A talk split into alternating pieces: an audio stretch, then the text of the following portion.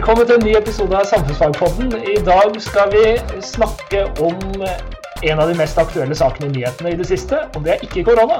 Det er at eh, Hagen har blitt eh, fengsla eh, eller eh, pågrepet for at han har tatt livet av sin kone Anne Elisabeth Hagen. Um, og I den sammenheng så skal vi eh, trekke inn litt forskjellige begreper. Vi skal bl.a. Se, på, eh, se på statistikk mellom kvinner og menn og drap og vold. Og vi skal inn på rettsstaten og rettssikkerhet.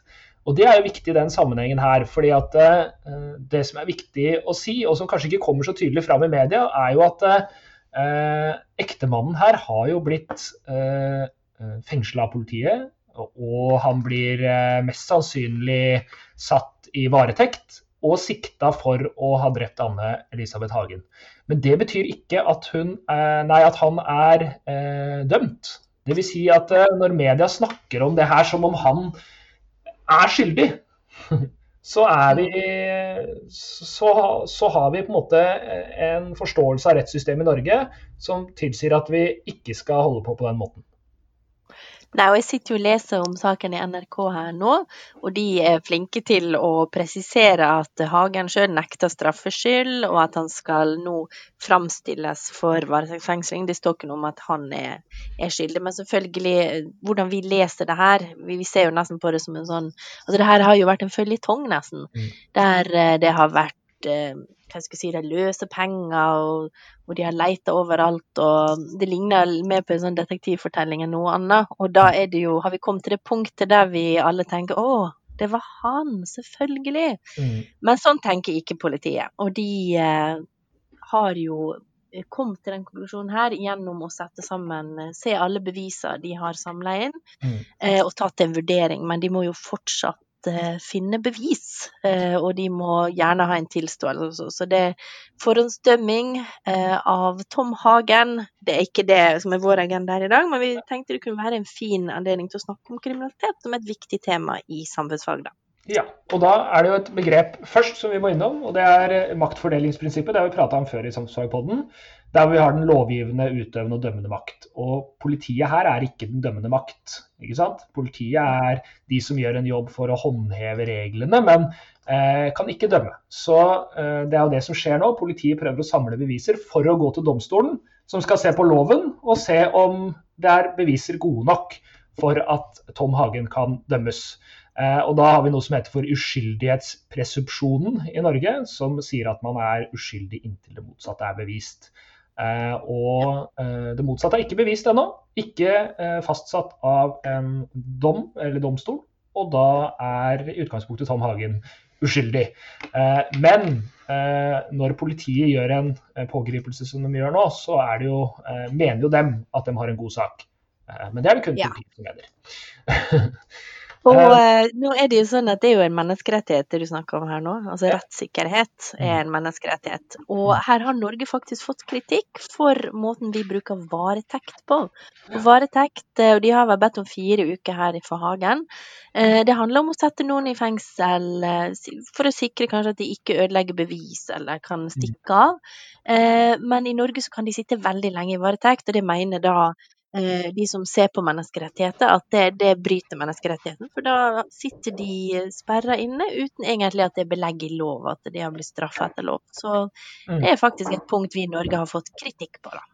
Ja, og samtidig så er det også viktig der å si at eh, det også må jo opp til en domstol hvorvidt de kan sette noen i varetekt. Eh, og i dag er jo Tom Hagens forsvarer Svein Holden ute og sier at han forventer løslatelse Dvs. Si at han ikke skal sitte i varetekt. Så får vi se da om politiet har gode nok, god nok beviser eller gode nok grunner til å varetektsfengsle eh, Tom Hagen. Eh, i ja, tida som Det er jo lenge siden eh, han har vel kunnet ha altså Hvis begrunnelsen er bevisforspillelsefare, som kan ødelegge bevis, så mm. har jo han hatt veldig mye mulighet til det. Så i NRK så uttaler jo Eh, skal vi se Hagens forsvarer, som heter Svein Holden, han sier at han forventer at han kommer til å bli løslatt fra varetekt. Mm.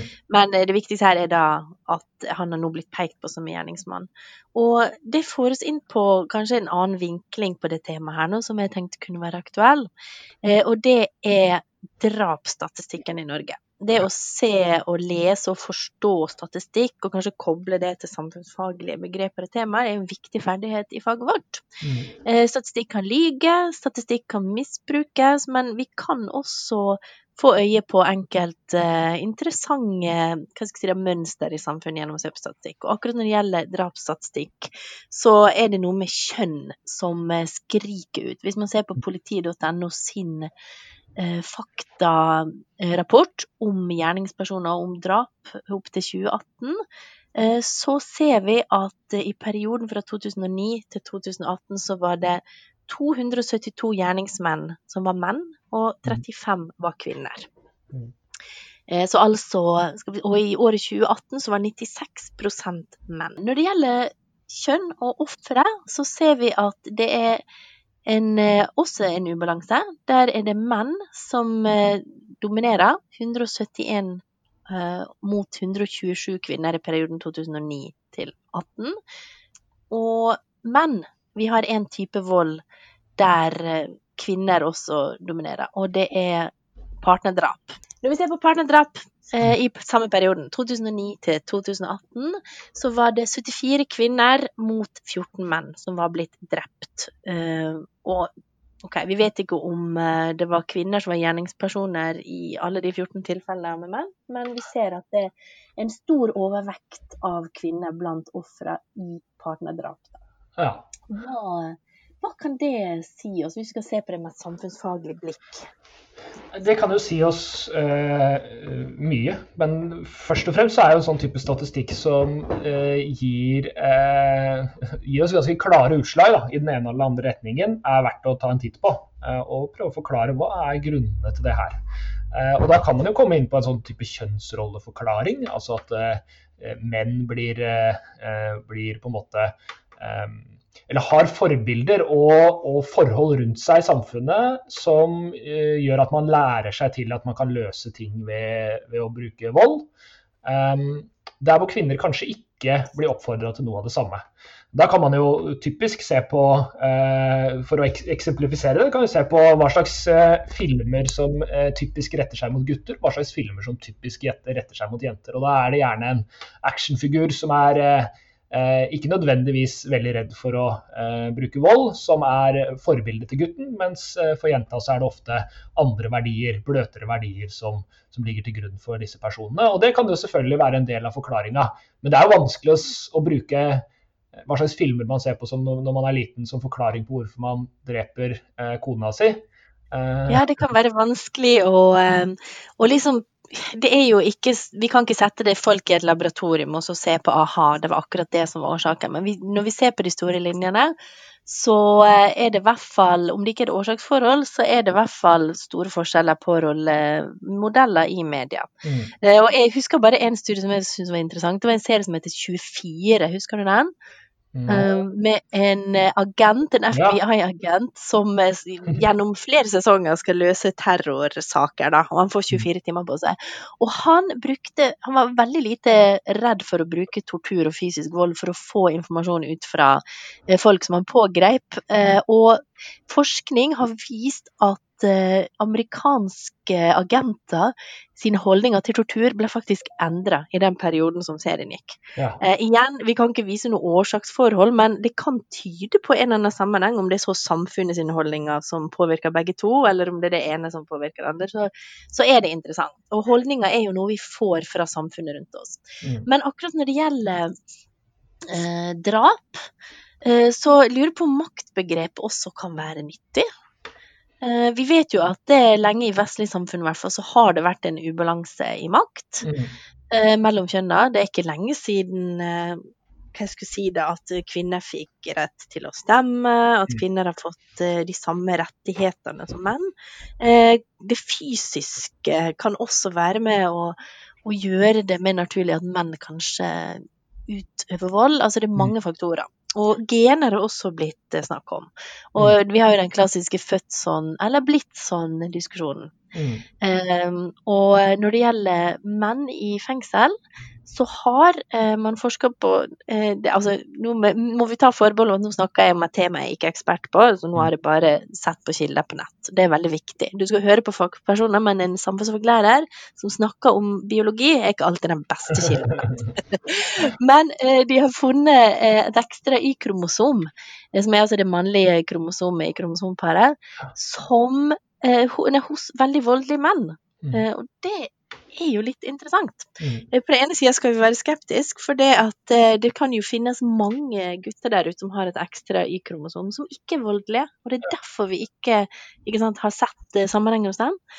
Um, og på den andre sida så har vi jo sånn med gener, at det, du kan være født med et sett med gener, men det bestemmer ikke nødvendigvis hvem du blir. For det, er noe som heter epigenetikk, som sier at det, Eh, du kan få eh, endringer i genaktiviteten din eh, uansett om du er født med et bestemt sett med DNA-molekyler. Så du er ikke determinert, som det heter. Selv om du er født med en viss type DNA, så, kan, så vil miljøet rundt bestille, eller ikke bestille, bestemme hva slags gener som blir aktivert eller ikke. Mm.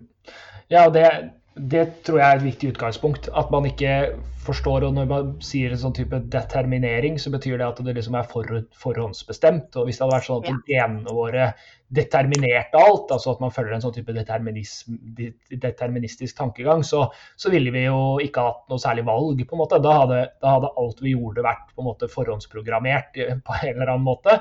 Eh, og at vi mennesker aldri vil kunne stå Vi står overfor valg, men vi men vi vil i alle tilfeller velge det samme uansett. Så du har egentlig ikke et valg, er tankegangen, da. Eh, men du oppfatter Ja, og filmen uh, Minority Report er jo veldig interessant. Uh, den handler jo om et rettssystem der de kan se litt inn i framtida, og så ser de folk som begår drap i framtida, mm. og så rykker de ut, og så stopper de dem før de har gjort drapet. Men da er jo hovedspørsmålet den filmen er også OK, har vi en fri, fri vilje eller ikke? Hva hadde skjedd om vi ikke hadde grepet inn? Er du 100 sikker på at de hadde kommet til å begå det drapet? Fordi mm.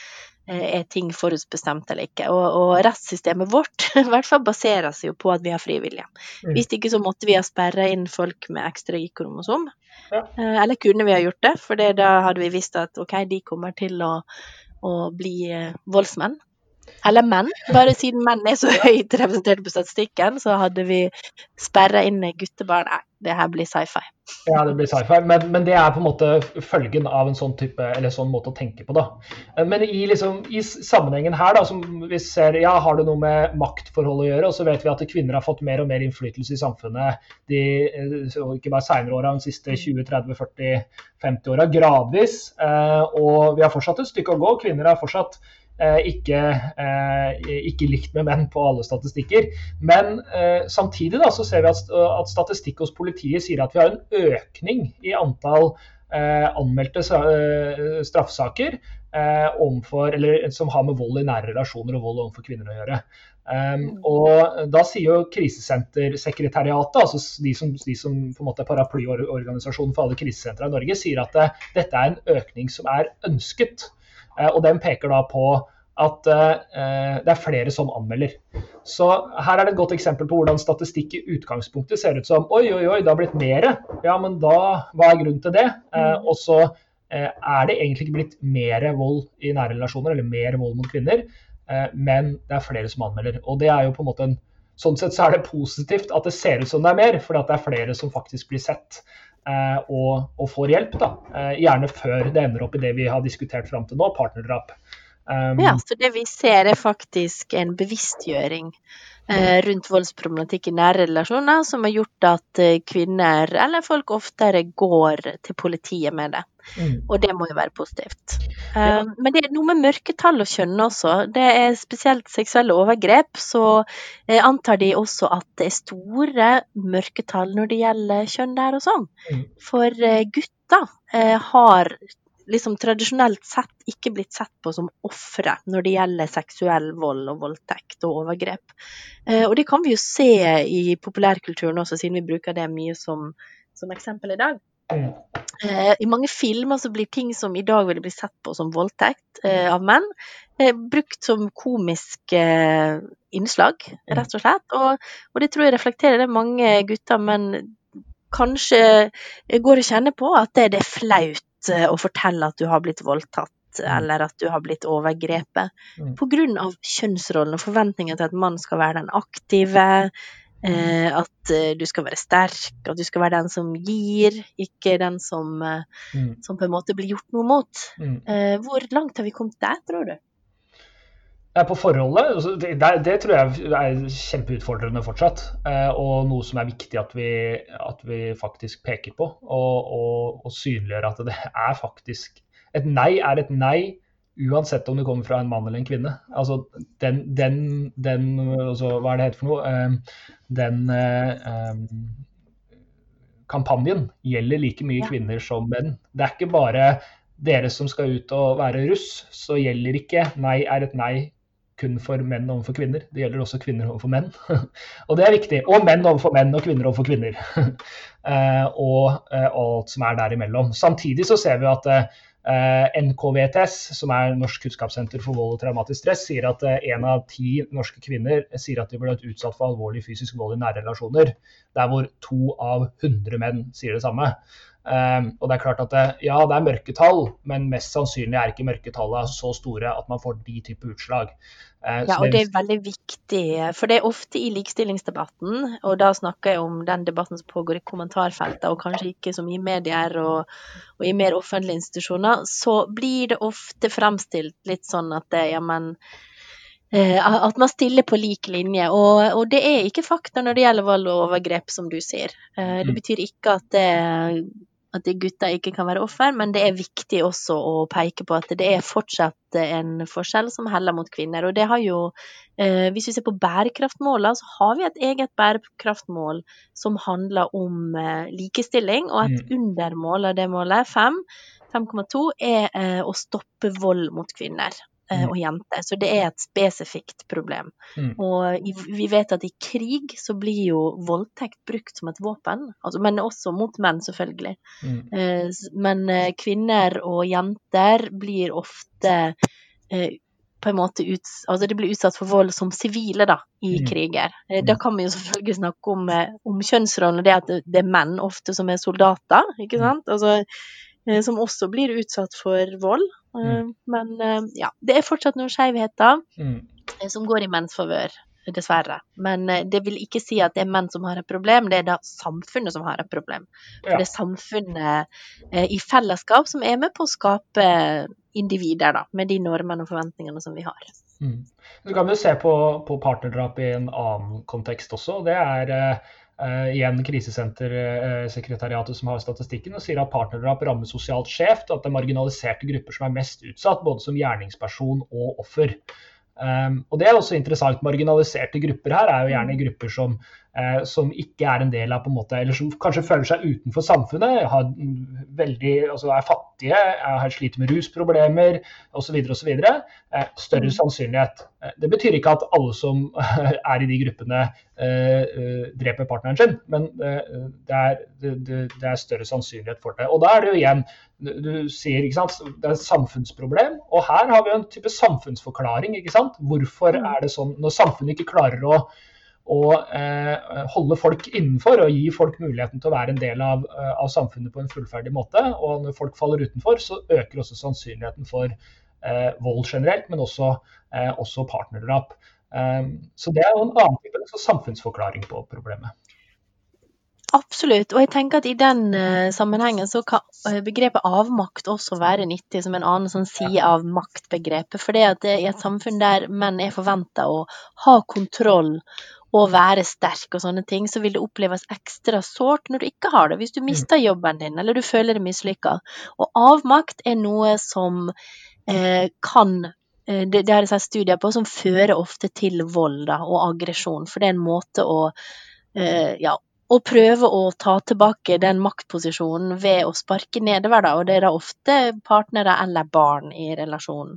Mm. Så en avmaktfølelse skal man ta på alvor. Mm. Og eh, som du sier, samfunnsproblem, eh, arbeidsledighet, utenforskap på alle slags måter. Eh, hvis du klarer å forhindre det, så klarer du også å forhindre mye av de drapssakene vi ser, Mm. og voldssakene vi ser. Mm.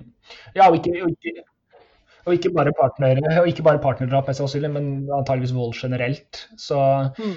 Og sånn, sånn, videre da, så er det også viktig å huske på at disse, eller statistikk viser at disse drapene ikke kommer uten forvarsel. Altså det er veldig ofte sånn, eller Tre av fire gjerningspersoner og offer har vært i kontakt med politi, helsevesen og hjelpeapparat. Og det er registrert drapstrusler i tre av ti partnerskapsdrap.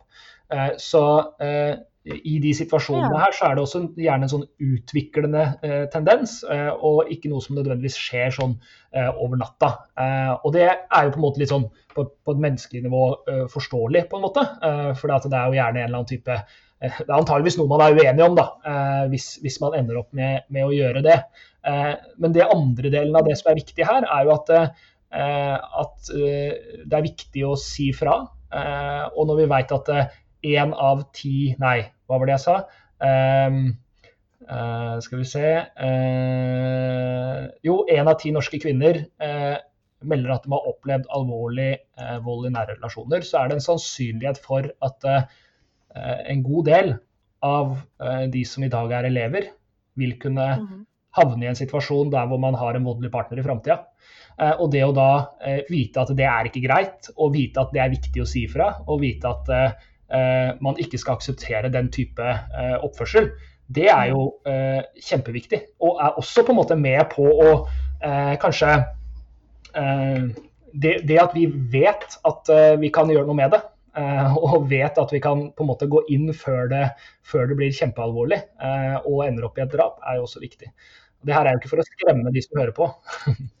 Nei, men det er noe med normene. Innenfor et parforhold så er det jo det en av de mest uformelle settingene du kan få i samfunnet. Og normene for hvordan man skal oppføre seg for en partner kan være veldig uklare. Mm. Eh, og du har jo også mye rare ting innenfor et parforhold, så liksom rollespill og altså maktforhold og sjalusi og eh, Så det kan være veldig vanskelig å sette sette grenser, faktisk. Så grensesetting, vite hvor de grenser går. Eh, mm. Når noe kjennes ugreit ut, så selv om du ikke har noen sånne instanser som kan stå og dømme og si ja, det her er ugreit, for vi har ikke klare regler, mm. så er du din egen målestokk på det der nå. Mm. Eh, og jeg bare eh, kom til å tenke litt på når vi snakker om samfunnsforklaring, så ser vi også at rus er noe som kommer inn i bildet her. Mm. Eh, og det vil vi også se i parforhold, tenker jeg. Altså, jeg tror veldig mange sånne episoder har skjedd på fest. Eh, mm. Den ene, eller begge to, er rusa, og da kan følelsene komme ut av kontroll.